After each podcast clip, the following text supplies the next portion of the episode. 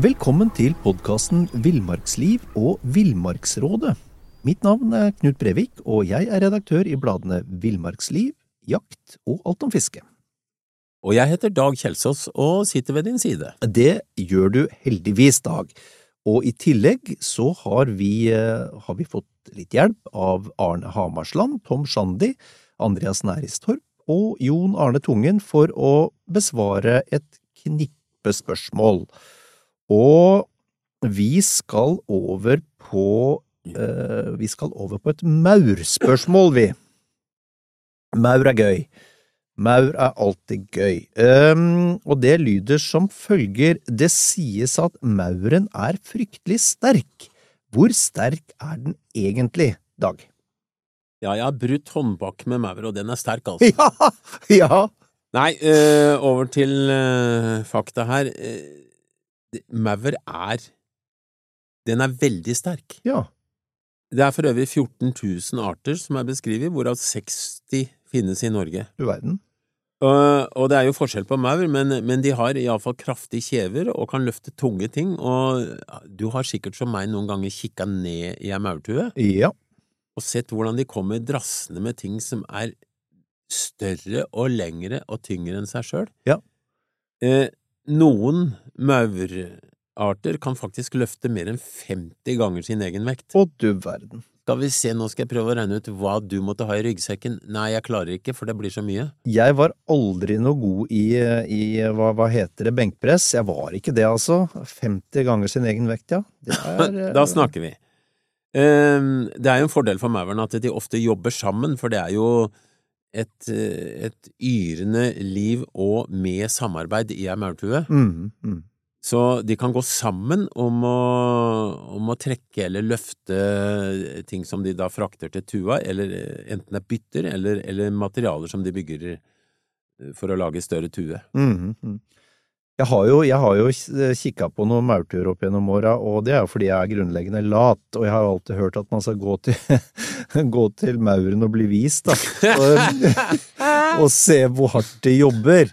Eh, Og det syns jeg var veldig sjarmerende, og det, det, er jo, det er jo et yrende liv der, og det er jo tilsynelatende en slags orden i kaoset. Jeg syns det var veldig sjarmerende og morsomt å lese både og, og betrakte mauren, var ikke like morsomt å slå leir i nærheten av dem, det lærte jeg meg ganske tidlig.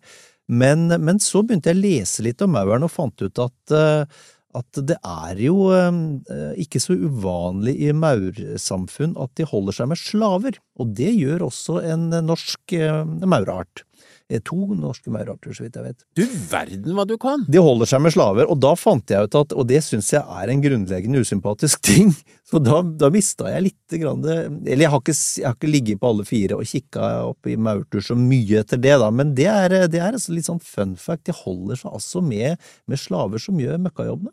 Men du får kanskje tilbake respekten for mauren når du tenker på at hvis du skulle være like sterk, så må du løfte 4000 kilo. Ja, jeg er nok et stykke unna det, men jeg driver og jobber med saken. Jeg trener litt og sånn. Ja, Men- ja. Nei, men uh, stå på, så uh, kommer du kanskje i nærheten av en maur en gang. Ja, takk for det, Dag. Eh, Knut, hvor mange elg tar ulven, er det en som lurer på. Ja. Eh, jeg vet jo at ulven tar elg, men hvor mye tar den egentlig av elgstammen vår? Der, der finnes det jo ganske gode anslag, og den årlige, hva skal man kalle det, eh, drapsraten, eller den årlige mengden eh, elg som en ulveflokk i et revir tar, det er, det er 120, rundt 120 elger. Eh, men det er jo der eh, hvor elgen er hovedføde, da. Eh, og, og omfanget av, av det predasjonstrykket, eh, det er beregna til gjennomsnittlig en 7–8 elgbestand. Jeg trodde en gang at vi var dyktige elgjegere, Knut, men jeg skjønner at vi ligger langt etter ulven. Ja, vet du hva, der blir vi amatører, altså. En ulveflokk i et revir der elg er hovedføde, altså 120 elger, det er eh, Da, da, må vi, da snakker vi om spesialister her. Ja. Som får oss til å fremstå som bleke amatører, Dag. Oi, oi, oi. Ålreit. Um, fra, uh, fra elg og ulv til fisk. Say hello to a new era of mental health care. Cerebral is here to help you achieve your mental wellness goals with professional therapy and medication management support. 100% online. You'll experience the all new Cerebral Way, an innovative approach to mental wellness designed around you. You'll get a personalized treatment plan from a therapist, prescriber, or both in a safe and judgment free space. Your cerebral therapist or prescriber will outline a customized plan with clear milestones along the way so you can get to feeling your best. With Cerebral, you're not alone in your mental health journey. We're here to empower you to live a fulfilling life. So take that first step towards a brighter future and sign up today at cerebral.com slash podcast and use code ACAST to get 15% off your first month. Offer only valid on monthly plans. Other exclusions may apply. Offer ends July 31st, 2024. See site for details. A new year is full of surprises, but one thing is always predictable postage costs go up. Stamps.com gives you crazy discounts of up to 89% off USPS and UPS services. So when postage goes up, your business will barely notice the change. Stamps.com is like your own personal post office, wherever you are. You can even take care of orders on the go with the mobile app. No lines, no traffic, no waiting. Schedule package pickups, automatically find the cheapest and fastest shipping options, and seamlessly connect with every major marketplace and shopping cart. There's even a supply store where you can stock up on mailing supplies, labels, even printers. Stamps.com has been indispensable for over 1 million businesses just like yours. All you need is a computer or phone and printer. Take a chunk out of your mailing and shipping costs this year with Stamps.com. Sign up with promo code PROGRAM for a special offer that includes a four week trial, plus free postage and a free digital scale. No long term commitments or contracts. That's stamps.com code PROGRAM.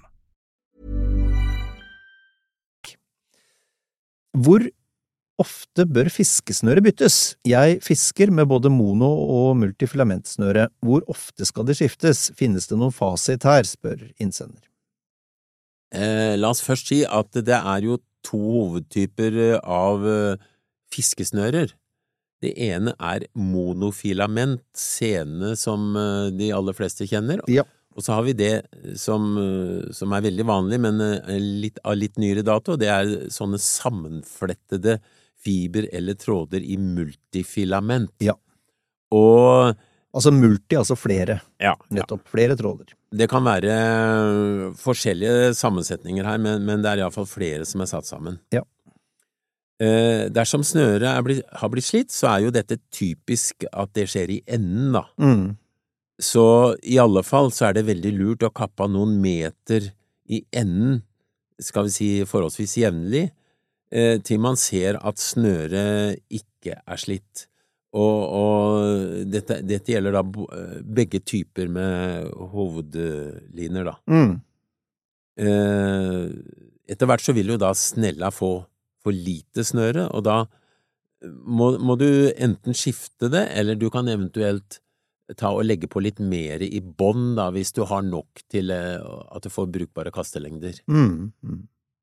Eh, monofilamentet må skiftes oftest, fordi denne typen påvirkes ikke bare eh, av om det fisker salt eller ferskvann, men også om det har blitt skylt etter bruk, hvor mye sollys det får, Mm.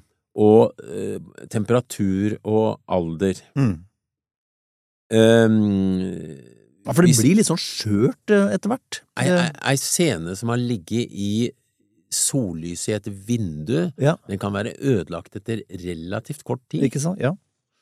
Eh, men, men det her, er- det bør vi da teste. Det er jo det som er, er viktig. Eh, jeg pleier å gjøre det når det gjelder scene, at jeg knyter sammen den jeg har på snella med ei ny ei av samme, eventuelt litt tynnere størrelse, eh, tykkelse, Okay. og så drar jeg til det ryker flere ganger. Og hvis det stadig ryker på den som er på snella, så betyr det at den andre er bedre. Mm. Og da har jeg iallfall en grunn til å, å skifte. Mm. Men, men du vil også få en følelse av det når du, når du rett og slett bruker fingrene og, og, og strekker da sena mellom fingrene.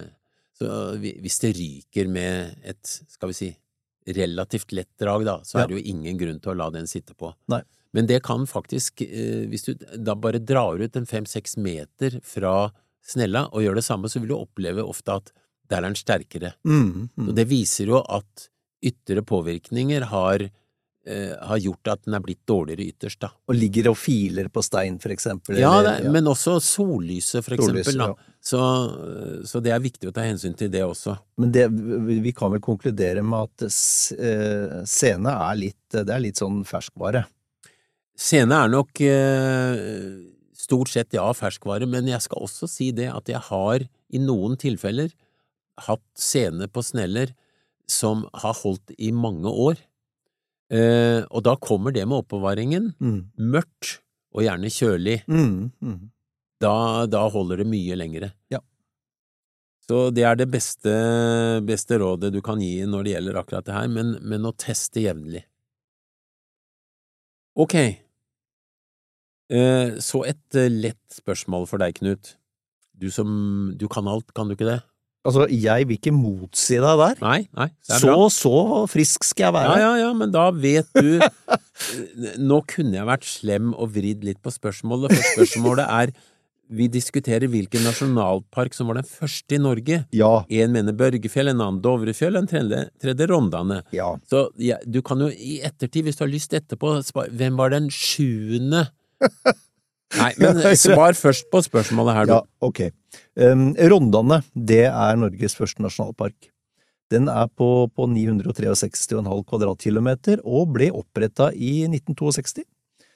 Børgefjell, um, den fikk status som nasjonalpark året etter i 1963.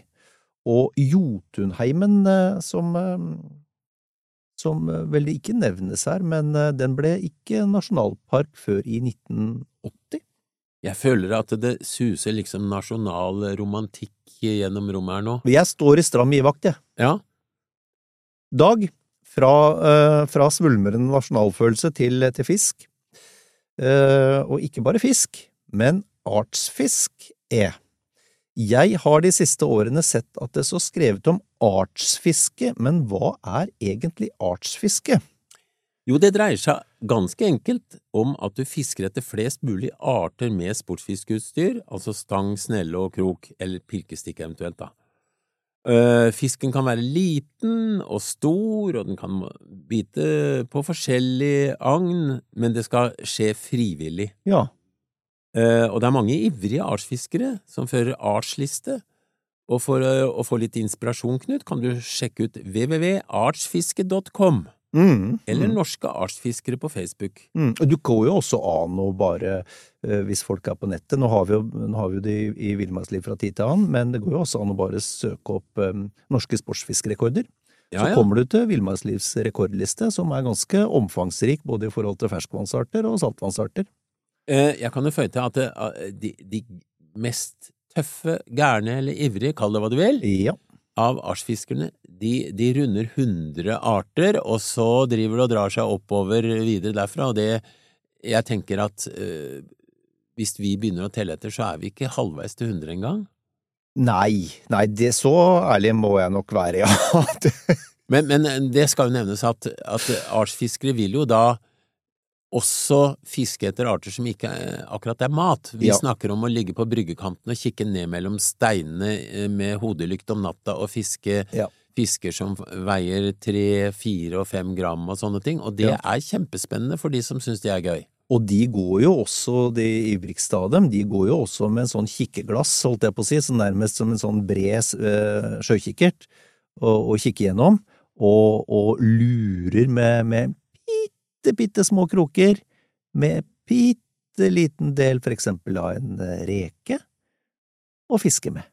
En, en, en hundredels eh, kokt rekebit. Ja, Ja, ja, Ja, det om de gjør men, det. men de syns vi er like gærne som flyr rundt og jakter uh, elger og, og så videre, så uh, og jeg følger dem et langt stykke på vei. Ja. Vel, vel, det var det. Nå skal vi uh, Ja, tar du et fiskespørsmål du òg? Eh, Veldig gjerne, veldig gjerne. Ok. Jeg har akkurat startet med artsfiske. Hei, det var artsfiske her òg, ja. Ja da. Og har veldig lyst til å få en skolest. Ja. Altså, det har ikke noe med støvler og sko å gjøre, bare så det er sagt. Nei. Nei, nei, nei. Har dere i redaksjonen noen gode tips til hvordan jeg kan få en skolest? Ja da, for da, da har du kommet til rett mann. Dette er Skolest-redaksjonen. Og, og skolest, det er en av de snåleste fiskeartene vi har, og den må fiskes litt annerledes enn de fleste andre arter. Den lever på dypt vann fra 200 til 600 meter, men, men dyp på mellom 300 og 400 meter er et fint sted å starte. Dette, dette må jeg bare eh, innrømme, Dag, dette har jeg ikke sugd av eget bryst. Her har vi konferert med, med Andreas Næristorp. Um, og Andreas råder videre til å fiske så tett på kantene du klarer, og ligge ganske rolig med båten. Fordi skolesten den vandrer opp og ned vannlaga hvor den beiter på reke og småfisk, så du er avhengig av å ha et ganske langt takkel. Ikke bare for å fiske der den oppholder seg, men også for å unngå bifangst som lange brosme og, og sånt. Eh, Andreas anbefaler at han har 10–15 meter i bunnen av taklet uten kroker, for deretter å ha fem–seks kroker de neste 10–15 meterne etter det. Unngå ly...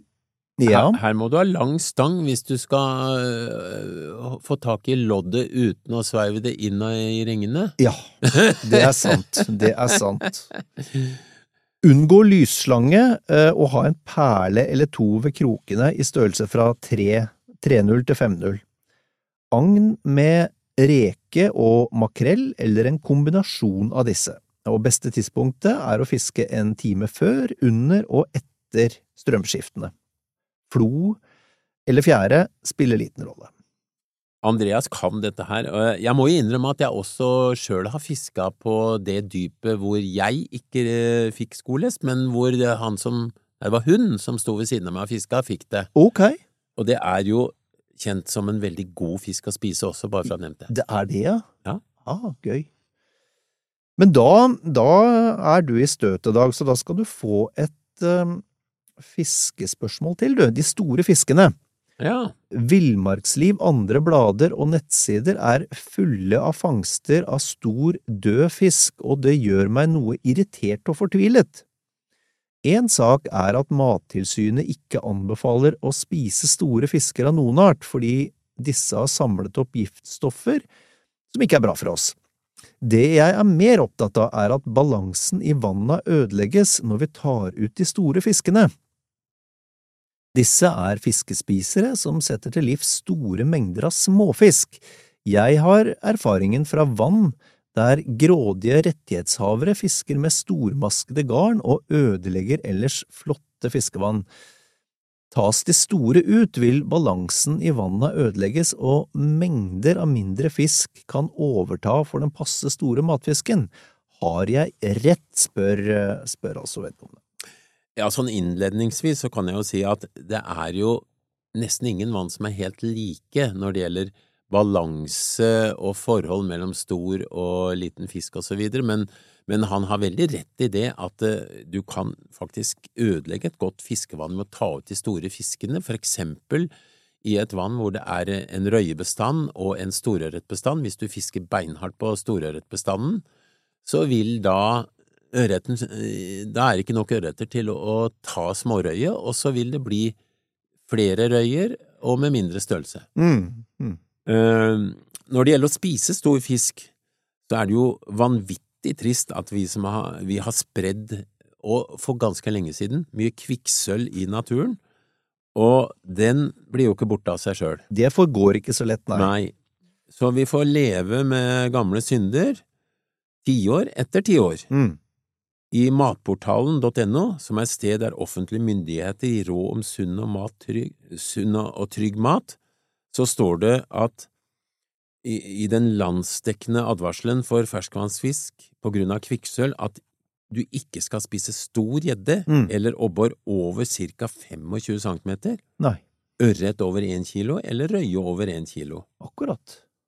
Eh, og gravide, ammende og små barn under fem år advares mot å spise ferskvannsfisk fra selvfangst i det hele tatt. Uff, det er triste Ja, greier. men, men jeg må da, jeg tar det på egen regning, men jeg synes det er litt overdrevent å, å si at du ikke skal kunne spise fisk i det hele tatt. Eh, hvis vi snakker om småfisk som ikke er eh, veldig mange år, og ikke har klart å, oppa, å få mye, mye giftstoffer i seg. Ja, for det vi snakker om er jo den akkumuleringa av gift gjennom mange år som stor fisk, eh, stor fisk Ja. har, eh, har ja. Men dette er jo da gravide og, og ammede, Ja. ammende mødre, da. Mm.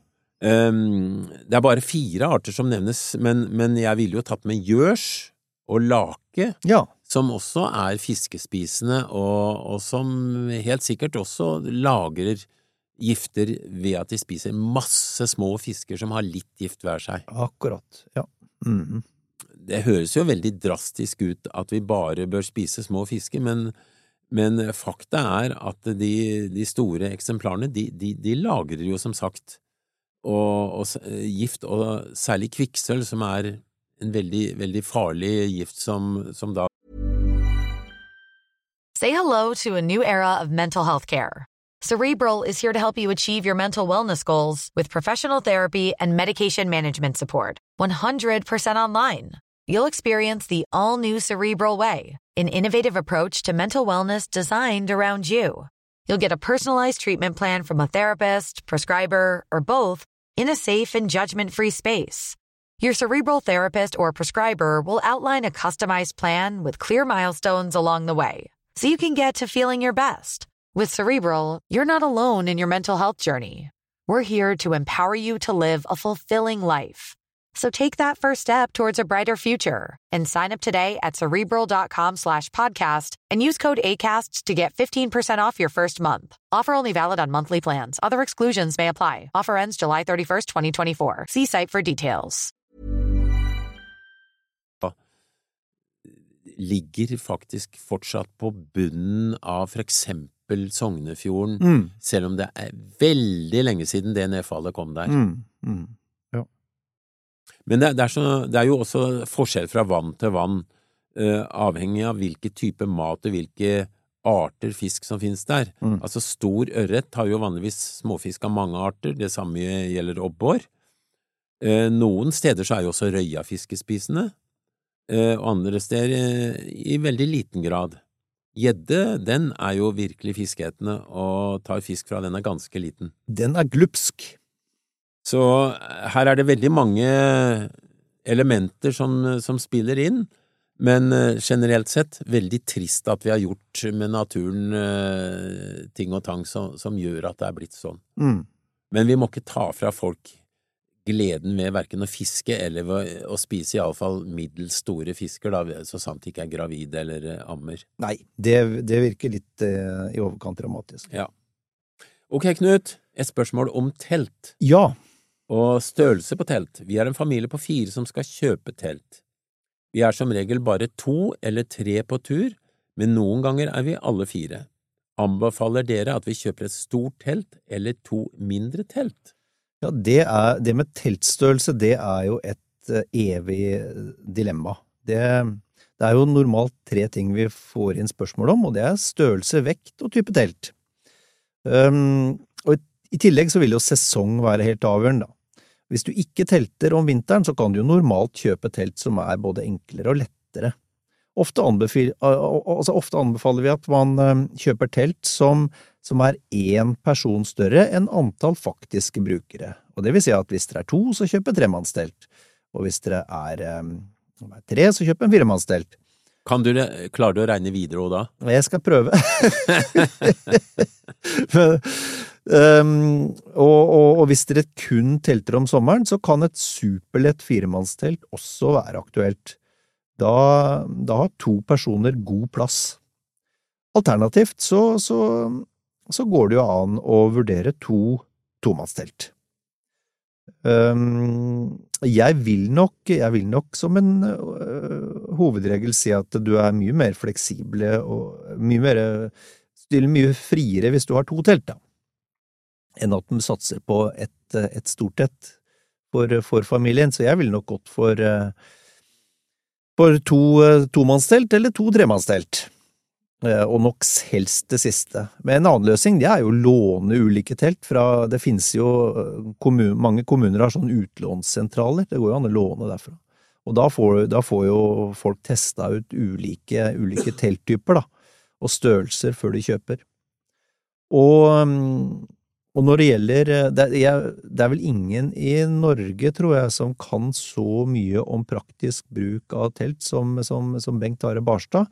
Og, og, han har vi snakka med tidligere, vi, om, eh, om, valg av telt og bruk av telt her i podkasten Villmarksliv, så den vil, jeg, den vil jeg egentlig anbefalt folk å lytte til en gang til, fordi Bengt Are har, har greie på det han snakker om.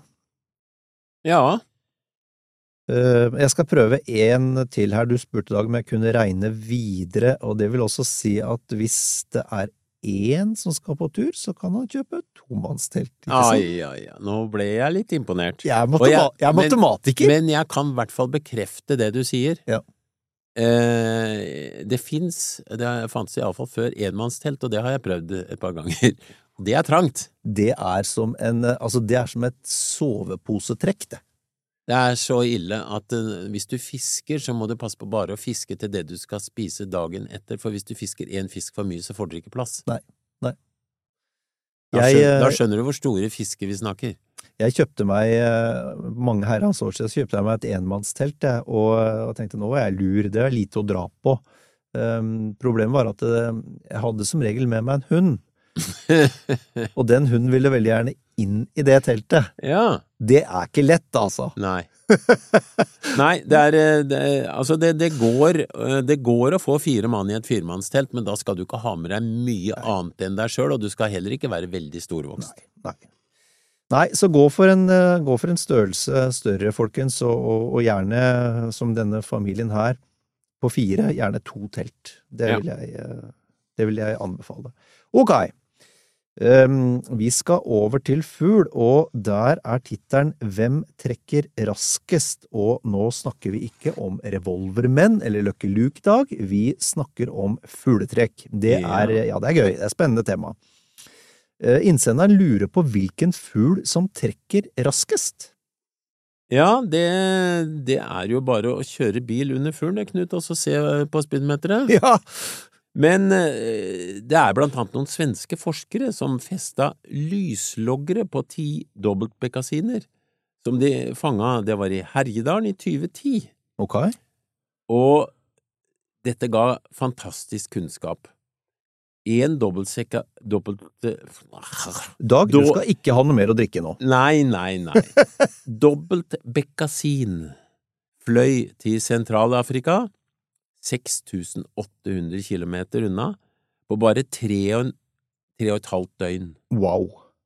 Hastigheten lå på opptil 97 km i timen, og det er ganske fort for en liten fugl. Å, fy filler'n! Og dette er hastighetsrekord i fugletrekk. Ja. Det fins nok eh, rovfugl som stuper raskere, men nå snakker vi om å fly Dag etter dag. Dag etter dag og helt flatt. Fytti rakkeren. En lyslogger, hvis du lurer på det, det er for øvrig en sånn liten databrikke som lagrer data om lysintensitet, oh, ja. og som kan kobles til tidspunkt på dagen, og at man på den måten kan regne ut i forhold til posisjon, altså, på lengde og breddegrad. Uh, og nøyaktigheten er på rundt 185 km. Ja. Men du er avhengig av å fange fuglen igjen da, for å lese av dataene. Ja, det er klart. Og det er jo derfor uh, dobbeltbekkasinen, nå klarte jeg det, ja. er så interessant, fordi de kommer tilbake til samme spillplasser år etter år. Så du kan de fange den samme fuglen på samme sted som ja, han har vært før, ikke sant? Ja, for jeg ville jo kanskje tro at det var fugler som fløy fortere på trekk enn dobbeltbekkasin, men uh, hva vet jeg? Ja, den er ganske har du, har du, sett når den flyr ute i naturen? Det går unna der òg. Det går unna, det er sant, det. På, det er sant, det. Uten at det er trekk, ja. ja. Men, men uh, det er iallfall et bevis på at det går fort. Ja. Uh, vi går over til du liker å kose deg, Knut, og nå snakker jeg ikke om det du tenker på nå, men nå snakker jeg om et, ved bålet. Å oh, ja! Å oh, ja. ja. ja! Og her er et spørsmål. Bålforbud? spørsmålstegn. Samtidig som det er bålforbud, innfører enkelte kommuner ekstraordinært bålforbud noen ganger, som i sommer da det var svært tørt mange steder. Er ikke det generelle bålforbudet nok Ja, altså det generelle bålforbudet fra 15. april til 15. september, det er jo hovedregelen, at du ikke har lov å tenne opp bål eller, eller grill da, i skog og utmark. Og det, det, hindrer deg likevel ikke å gjøre opp ild på, på tilrettelagte bål og grillplasser, som det jo finnes en del av, spesielt i litt sånn bynære områder. Og de fleste kommuner har informasjon om det på, på nettsidene sine, eller ved oppslag under, der du gjerne setter fra deg, eller starter på noen populære utfartssteder, da, gjerne der parkeringsplassen og der, du, der løypene starter. Du kan uansett gjøre opp bål på, på steder eller under forhold der det ikke kan oppstå brann. Det kan være på steder der det fortsatt ligger snø, det kan være etter en periode med mye nedbør, eller på et område der det ikke finnes noe brennbart materiale i umiddelbar nærhet. Og hvis du velger å tenne bål mens det generelle bålforbudet gjelder, da er det du som er ansvarlig for å vurdere om det er trygt. Det er det vi kaller for et tålt Altså, det er tålt friluftsliv, da. Og det, dette gjelder da også for eksempel om du griller, tenner på køl, om, mm. det, om det er i en sånn aluminiumsfolie eller hva som helst? Ja. Altså Det generelle forbudet det gjelder jo skog og utmark, og det betyr at du uansett kan bruke grill og bålpanne på din egen eiendom. Eh, og i et byggefelt så er det trolig helt ok, men, men på ei hytte eller et hyttefelt med tørr vegetasjon tett innpå bebyggelsen og, og mange hytter med torvtrak, der bør du være ekstra aktsom. Eh, når det, når det generelle bålforbudet gjelder, så, så, kan du fyre med primus også i skog og utmark, men, men som alltid når du, når du, holder på med, med levende ild eller eh, flammer, så må du være forsiktig. Og når det er et ekstraordinært bålforbud, så gjelder ofte forbudet både utmark og innmark. Og det vil også inkludere forbud mot å bruke grill, som vi har snakka om, stormkjøkken, turbrenner, kvistbrenner og andre kokeapparater. Og da gjelder det også de etablerte bollplassene, da? Ja. Når det er innført ekstraordinært forbud, betyr det at du heller ikke kan bruke de plassene. Enten det er, uansett om de er private eller offentlige, og et ekstraordinært bålforbud det gjelder også for parker. Og hvis du bryter med et sånt ekstraordinært bålforbud, da kan du faktisk straffes med, med bot eh, eller fengsel, så, så, det skal man ikke kimse av. Det blir morsomt når du sitter sammen med gutta eh, og spiser mat i fengsel, og så sier den ene ja, jeg jeg hadde litt dop, og ja. en annen ja, jeg stjal en bil, og så du jeg tente ei fyrstikk. Ja, ja du, du, er ikke på topp i rangstigen da Nei, i, i fengselet, jeg ser den altså. Men um, jeg, da lurer egentlig jeg på, når vi har avslutta med fengsel, det er jo veldig oppløftende i dag, veldig oppløftende, ja, ja. da lurer jeg på om vi bare skal ønske folk en, en, en, en fengselsfri uke videre. Ja, det var, det var en, et godt ønske. Ja.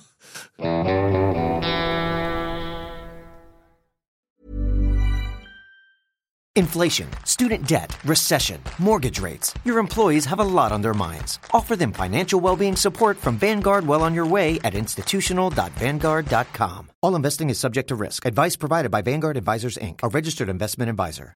Every fan knows the right player in the right position can be a game changer. Put LifeLock between your identity and identity thieves to monitor and alert you to threats you could miss. Plus, with a U.S.-based restoration specialist on your team, you won't have to face drained accounts, fraudulent loans, or other losses from identity theft alone. All backed by the LifeLock Million Dollar Protection Package. Change the game on identity theft. Save up to 25% your first year at LifeLock.com slash aware.